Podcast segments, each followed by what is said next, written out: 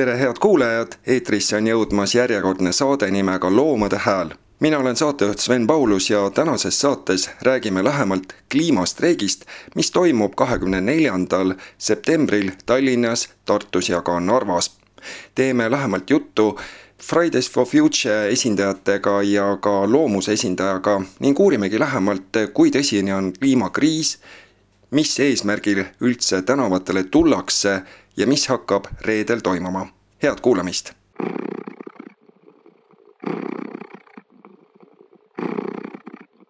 tänases saates räägime lähemalt äh, sellisest ettevõtmisest nagu kliimastreik, mis toimub äh, kahekümne neljandal septembril äh, mitmes kohas Eestis. mul on hea meel tervitada Sandra Kartaud ja Kaia Konsapit sellisest organisatsioonist nagu Fridays for Future. tere tere! tere! Kaia ja Sandra, rääkige natuke lähemalt, mida üldse kujutab endast kliimastreik ja miks seda peetakse, miks seda tähistatakse?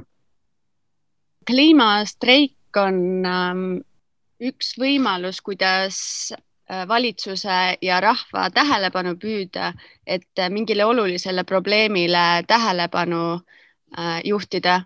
Ja seda me olemegi üritanud teha äh, iga reede streikides, kuid äh, Fridays for Future organisatsioonil, mis äh, algas kunagi Rootsi koolitüdrukustreikidega, seal on kombeks ka suuri ülemaailmseid streike korraldada ning äh, igal suurel streigil on oma agenda, oma tähelepanupunkt, mida siis äh, me üritame levitada ja millele tähelepanu tahame juhtida. ja kui veidi ajalukku vaadata, siis kui pikalt juba kliimastreike tehtud on? mitte väga pikalt. Eesti, noh, ülemaailmselt ja Eestiski algas see märtsis kaks tuhat üheksateist aastal. ja et see näiteks äh, Greta oli enne ja meie siis äh, tulime kaheksandal märtsil kaks tuhat üheksateist tegime esimese streigi nüüdseks äh, oleme sada kolmkümmend kolm korda juba streikinud. ja, et alguses oli kolm inimest ainult sellega seotud ja nüüd, nüüd on meid natuke rohkem juba. sada kolmkümmend kolm korda on tegelikult päris suur arv, see tähendab äh, siis äh, enamasti selliseid reedeid, kui kooli ei mindud, vaid mindi kuskile seisma kooli ikka minnakse, aga seisma tullakse ka ja oluline osa sellest streigist on ka see, et paljud inimesed tulevad meiega rääkima, et me oleme nagu sellised inimesed, kes vestlevad vanemate inimestega ja kõigi inimestega, kes soovivad kliimamuutustest rohkem teada. Ja just see tähelepanu juhtimine on oluline osa sellest ja oma aja kulutamine nii suurele probleemile on samuti oluline märk. kui neid peamisi eesmärke võib-olla avada, siis mis on nende streikide siis tõeline selline eesmärk, siht ja suund, et miks neid tehakse? peamiseks eesmärgiks Eesti puhul on kindlasti juhtida tähelepanu sellele, et valitsus ei tee kliimakriisi leevendamiseks ähm, põhimõtteliselt mitte midagi ja me isegi ähm, tahame, riik tahab isegi investeerida õlitehasesse, mis äh, on veel täiesti hullumeelne otsus kliimakriisist äh, vaadatuna. jah, mulle tundub, et see ongi peamine ülesanne, see selline valitsuse mõjutamine ja, ja äh, meil on nagu äh, mitmeid äh, otsuseid, mis tehakse ka elurikkuse hävitamise seisukohalt nii-öelda, mis on väga kehvad. Äh, või, või pigem nagu kaitsmise seisukohalt on äärmiselt kehvad.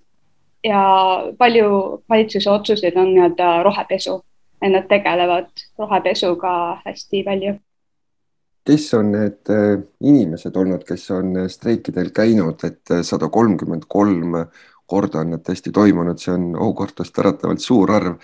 kes kokku tulevad üldse teiega seisma sinna tänavate peale? kõik erinevad inimesed, meil on olnud inimesi, kes on kolmeteistaastased noored, aga ka viiekümne aastased arhitektid, kõik inimesed mingil hetkel on tundnud, et äh, see on õige koht, kus äh, enda arvamuse eest seista. Ning väga tihti tulevad streikidele inimesed, kes meie organisatsioonis igapäevaselt isegi kaasa ei löö, kuid nad on aru saanud, et see olukord, mis praegu on, ei ole jätkusuutlik. Ning tegelikult hetkel ei ole inimestel väga võimalust valitsust mõjutada või kuidagi enda sõna maksma panna. Ning ehkki see tundub veider, et me lihtsalt seisame seal tund aega, siis, ähm, siis see on natuke rohkem kui mitte midagi. Just äh, tahtsingi küsida, et äh, kui te olete nüüd seismas käinud ja oma plakatitega väljas olnud ja oma meelsust avaldanud, kas surve avaldamisel on olnud ka mingisugust kasu, et olete te suutnud saavutada midagigi kasvõi Eesti tasandil? Mulle tundub, et me oleme täiega suutnud saavutada, kasvõi seepärast me tegelikult organisatsioonina lihtsalt ei streigi, vaid me ka anname külalistunde, meil on erinevad projektid, me kogu aeg erinevates vormides üritame kliimakriisile tähelepanu juhtida ning äh, kui oli Ratase valitsus veel, siis äh, meid kutsuti ka rääkima, nendega vestlema kuid ähm, see on ikka üsnagi uskumatu, kui ükskõik valitsusel äh, praegusest olukorrast on. Ja noh, et me oleme käinud rääkimas ja, aga valitsusega rääkimine on selline abstraktne tegevus, aga samal ajal just see teadvustamine, noorte harimine sellest probleemist, et noortel on ülisuur soov teada saada, mis kliimakriis on, kuidas seda leevendada, mis need aspektid seal on, et see on tegelikult enda olemuselt väga põnev probleem ning äh, me harime väga palju sellist äh, üldsust.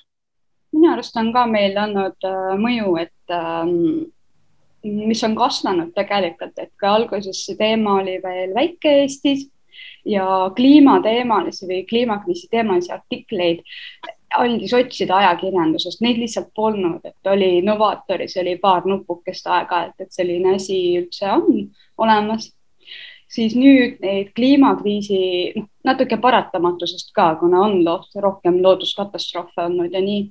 aga kliimakriisi teemalisi artikleid on järjest rohkem, meil on isegi oma kolumne tekkinud ja koostöös meie teiste looduskaitseorganisatsioonidega, et äh, näiteks Päästame Eesti metsad ja me oleme nagu kasvatanud oma mõjukust, et meid kutsutakse rohkem poliitikutega kohtuma näiteks meie arvamust nagu küsitakse erinevatesse kohtadesse.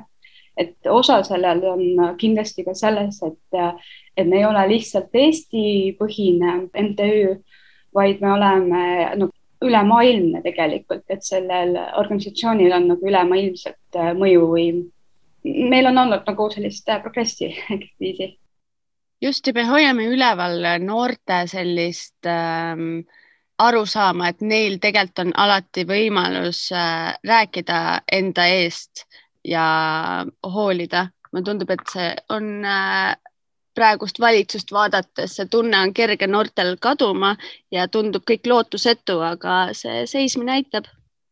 tõepoolest, äh, kui veidi seda olukorda vaadata, siis tundub, et noortel on kliimakriisist päris hea ülevaade ees, vanematel inimestel võib-olla niivõrd mitte kui te natuke seda teemat veel lahkaksite, siis äh, kui hull see kliimakriis on praegusel hetkel ja kas siin üldse on mingisuguseid häid lahendusi, annab seda kuidagigi leevendada? olukord on väga hull, see on äh, noh, igatahes, et aina hullemaks läheb ja kuidas seda nagu leevendada, on keeruline, aga on teatud asju, mida saab teha, et äh, inimestel probleemsetes asukohtades ei tekiks toidupuudust ja et me kõik aklimatiseeruksime selle olukorraga, mis hakkab olema ning see ongi kõige olulisem, et me suudaksime saavutada selle olukorra, kus kogu vili ei ikaldu, kus põhjavesi säilib puhtana. me peame lihtsalt hoidma sellist peent piiri ja selle leevendamisel äh, oluline osa ongi sellel, et me saaksime, tunnustaksime probleemi ja tunnistaksime probleemi, mitte ei tunnustaks.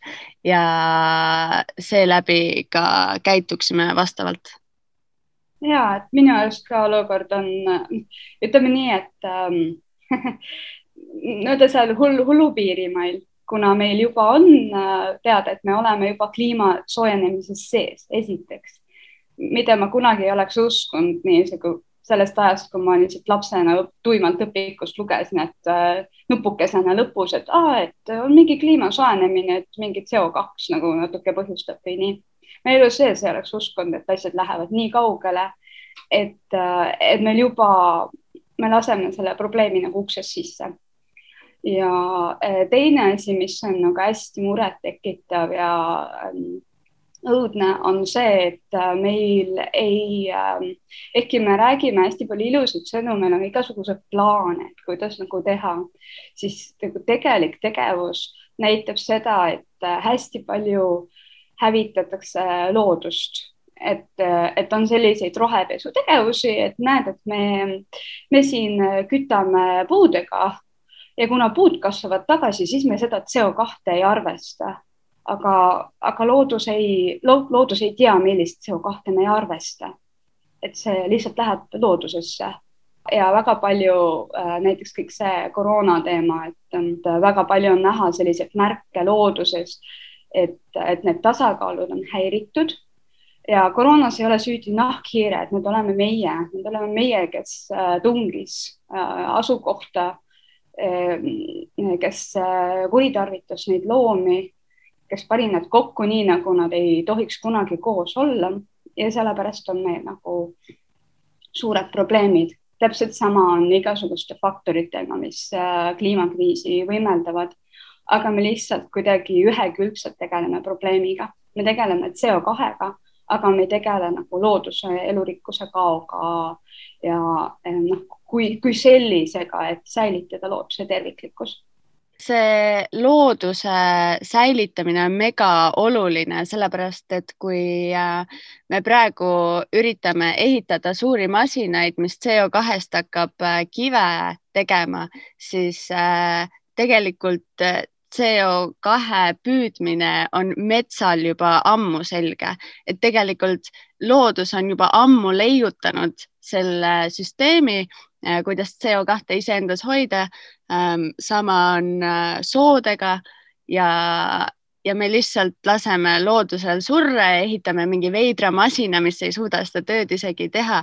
see on nagu väga banaalne olukord, milles me tõesti oleme, et kui me lihtsalt suudaksime seda elurikkust säilitada, mis meie ümber on, vähem tarbides, vähem elektrit tootes ja ka tarbides, siis äh, loodus ise hoolitseks meie eest ja täpselt, ma olen sada protsenti nõus selles mõttes, et äh, me nagu mõtleme, et, et me oleme jubedalt nupukad, me oleme inimesed, me oleme targad, on ju. aga lihtsalt evolutsiooniliselt, et loodus on miljardeid aastaid kohastunud kõige efektiivsemal moel äh, ringi laskma seda CO2, ringi laskma süsinikku terves loodusringes. Ja me tõesti arvame, et me oleme nutikamad ja me suudame mingi masinaga paremini püüda puud, ookean ja, ja sood näiteks on ühed maailma parimad masinad, et püüda CO2 elus hoida tervet elurikkust ja loodust ja meid kõiki. ja mis nüüd reedel toimuma hakkab, kahekümne neljandal septembril nii Tallinnas kui ka Tartus? ja ka Narvas, see ongi väga äge, et tegelikult äh, FFF-i aktivistid on ka Narva jõudnud ning ähm, seal on see energeetika, põlevkivi, kliima teema eriti habras ja hell, nii et äh, kell kaksteist Narvas, Tallinnas ja Tartus hakkame siis streikima ja, ja hakkame streikima ja meil on äh, toredaid kõnepidajaid äh,. me üritame neid äh, juurde hankida. meil on näiteks Faristo Meller, Päästame Eesti metsad nii-öelda metsakogukondade poole pealt, siis on Kai-Mai Kulkep feministeeriumist, kes äh, räägib nende poolte inimeste eest, kes on naised näiteks ja äh, naised on äh, nii-öelda ühiskonnarühm, kes äh, kõige rohkem panustab kliimamuutuste nii-öelda leevendamisesse, aga kõige rohkem näiteks ka kannatab. Et nagu selliste nii-öelda selliste rakursside alt me läheneme ja siis on Kristiina Raud Eesti LGBT ühingust kes räägib äh, siis äh, nii-öelda, nii-öelda vähemusrühmade eest, et kuna ka nemad saavad pihta lihtsalt juba sellepärast, et nad ühiskonnas on tõrjutud niisamagi. kliimakriisi üks äh, omapära on lihtsalt see, et kuna see on järjekordne kriis ühiskonnas, siis need inimesed, kes juba on tõrjutud ja kellel on juba probleeme, saavad väga tugevalt mõjutatud. kell kaksteist on äh, igas linnas, algab see Tallinnas, algab see Vabaduse väljakul, Tartus Raekoja platsil ja Narvas Peetri platsil ja kõik tulge, on äh, plakat, ei ole ootame teid kõiki meelt avaldama ja tegelikult äh, suured muutused tulevadki valitsusest väljapoolt, et kui me suudame valitsusele selgeks teha, et nad ei või äh, meie laste tulevikku ära rikkuda, siis äh, nad lõpuks peavad meid kuulda võtma. Ja aga kui on vaja, siis FFF streigib veel kolmesaja kolmekümne kolmandat korda ka seal ja seisame enda plakatitega igal juhul suur aitäh, Sandra Kartau ja Kaia Konsap äh, Fridays for Future Eestist äh, ja soovin teile mõnusat meeleavaldust äh, reedeks. ja tulge kõik, aitäh. aitäh, tulge kõike.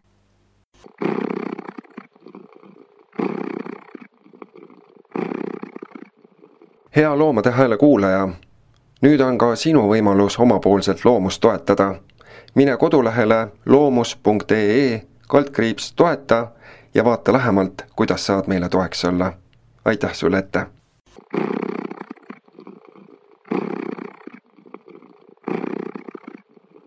me jätkame tänast podcasti ja räägime kliimastreigist, mis reedel Tallinnas, Tartus ja ka Narvas toimub ja teisel pool veebi on Faristamo Eller, kes on Loomuse liige. tere, Faristamo!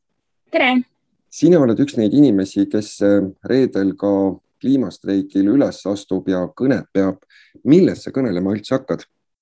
minu teemaks või, või siis teema, mida ma avan, on äh, farmiloomade seos või, või ütleme siis äh, äh inimese tegevuse äh, seos siis äh, kliimamuutustega ja see nurk on, on farmiloomad ja üldse loomatööstus ja loomne toit põhimõtteliselt ja kuidas on see kõik seotud kliimakriisiga, miks on loomne toit ja loomade söömine kliimakriisi üks põhjustest? kui äh, räägitakse kliimakriisist, siis hästi palju muidugi tuleb teemaks transport, fossiilsed kütused, need on sellised ähm, lihtsad asjad mingis mõttes, sest me näeme neid, korstnast tuleb tossu. Ja ja neid on ka mingis mõttes lihtne adresseerida võib-olla sellepärast, et keegi kuskil põletab midagi ja, ja ma saan öelda, et tema on süüdi, kuigi okei okay,, ma kasutan ise ka elektrit, on ju ähm,. aga seal on väga palju teisi põhjuseid, eks ka kliima, kliimakriisil, noh, elurikkuse kadu on ju, sellest räägivad inimesed ja, ja metsade kadu, noh, kogu see temaatika, sellest räägitakse ka juba päris palju Eestis ja, ja maailmas ka. Mm, mida on veel minu meelest vähe, ähm, on ähm, toidu seos kliimakriisiga ja, ja see on sellepärast ilmselt, et äh, toit on justkui hästi isiklik asi aga tänasel päeval me enam ei tohiks näha toitu kui isiklikku asja, sellepärast et oma toiduvalikutega äh, me mõjutame äh, kogu äh, maailma põhimõtteliselt ja ka noh, kliimakriisi kontekstis.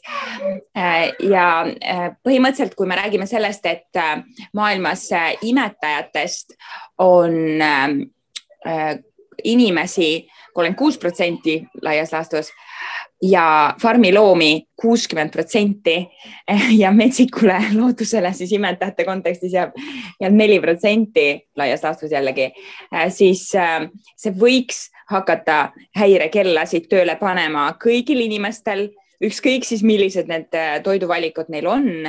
ja, ja see ongi see, mida ma tahaksin siis võib-olla mm, veidi avada, et ähm, me julgeksime või, või et äh, meil oleks see okei okay öelda ja, ja vaadata sellele otsa, sellele tõele, et äh, võib-olla sealt Teise maailmasõja järgsest ajast, kus äh, oli hästi raske, kus süüa oli vähe, kus need intensiivsed põllumajandusvõtted siis nii farminduses, noh, ütleme loomakasvatuses kui ka ju taimekasvatuses alguse vist on saanud.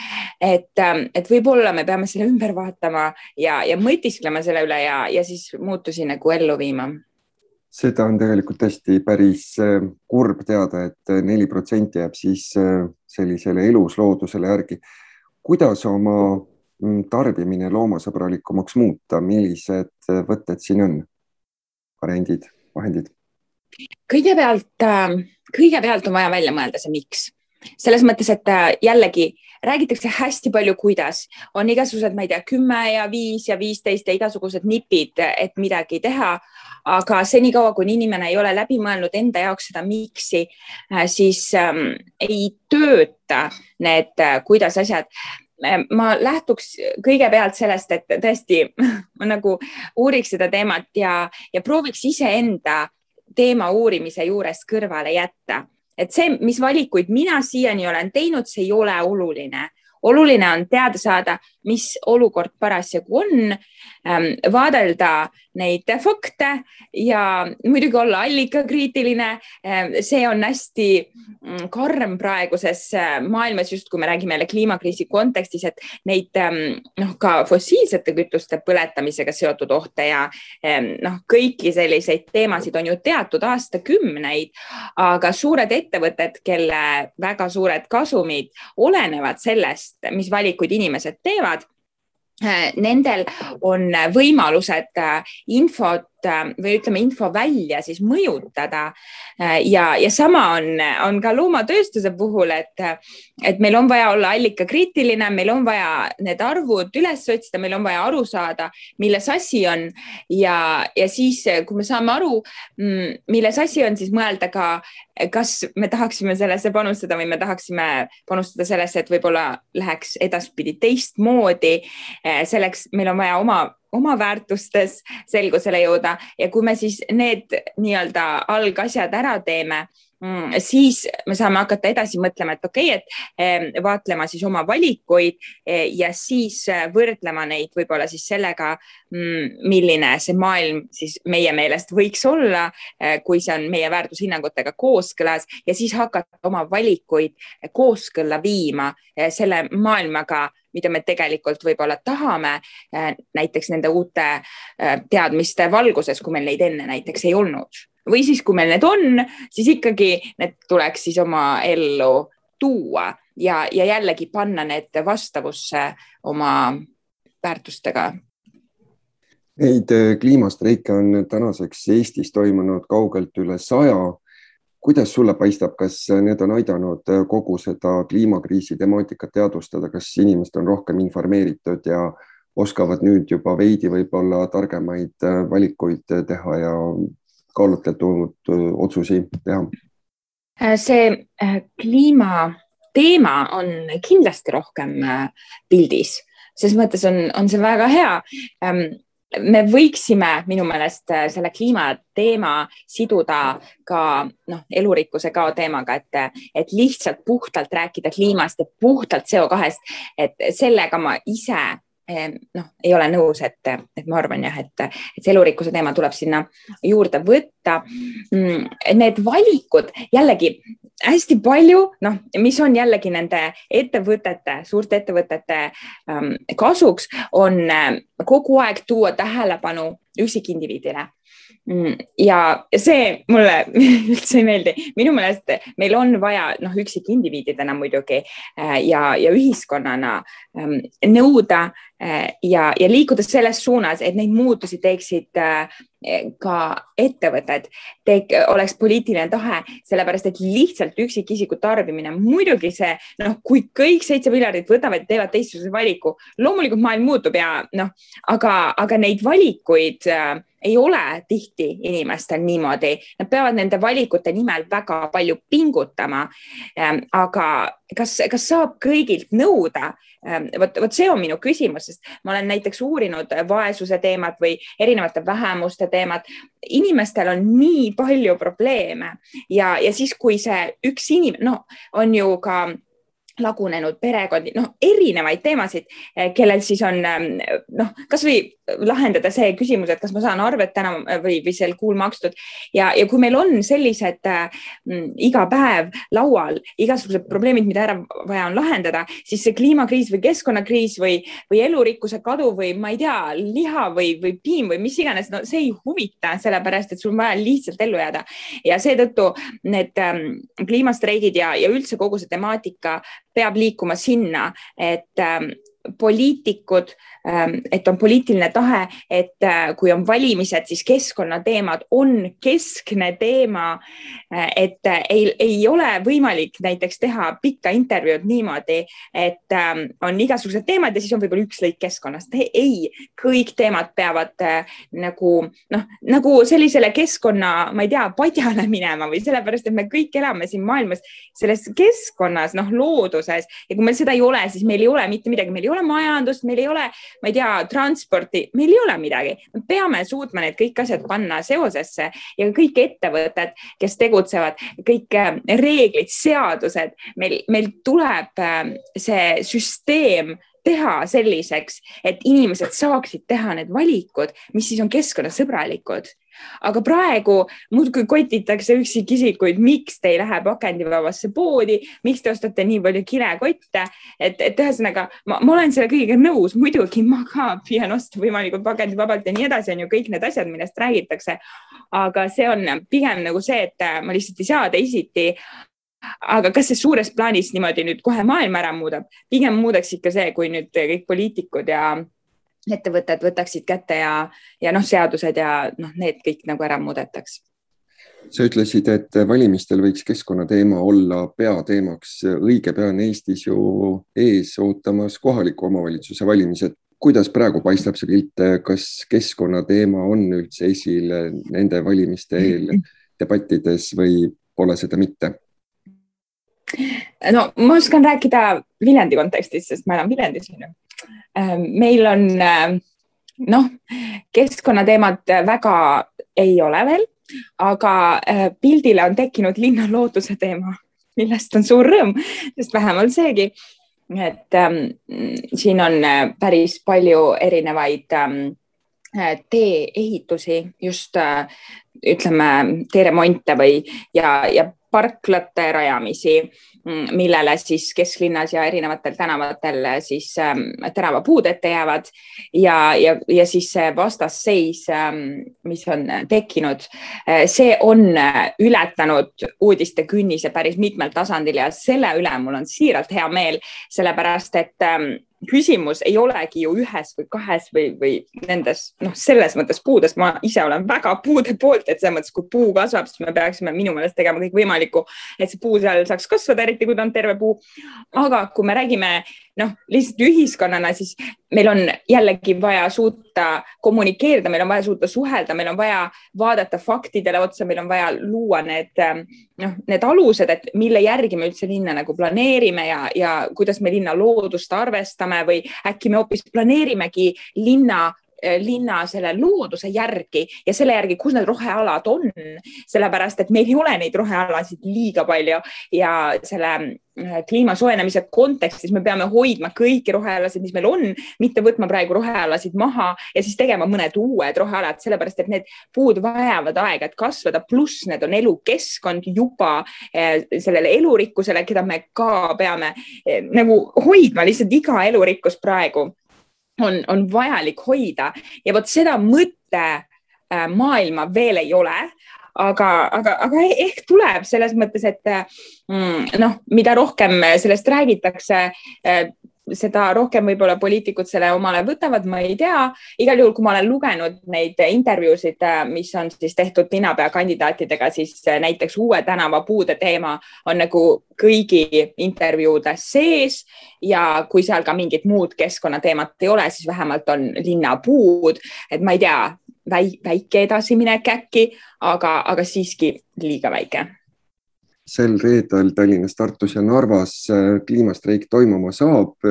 kindlasti jätkuvad need ka veel pikemat aega ja see kogu temaatika tõuseb inimeste teadvusesse üha rohkem ja rohkem suur,. suur-suur tänu sulle, Farista Miller, selle intervjuu eest ja mis muud, kui soovin edu ja jaksu reedesel streigil. aitäh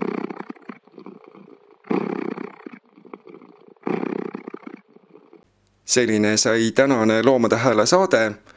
kutsun teid kõiki üles siis reedel tulema meeleavaldusele ja hoidke silma peal ka Loomade Hääle sotsiaalmeediakanalitel. saatejuht Sven Paulus tänab kõiki kuulamast ja soovib mõnusat sügise jätku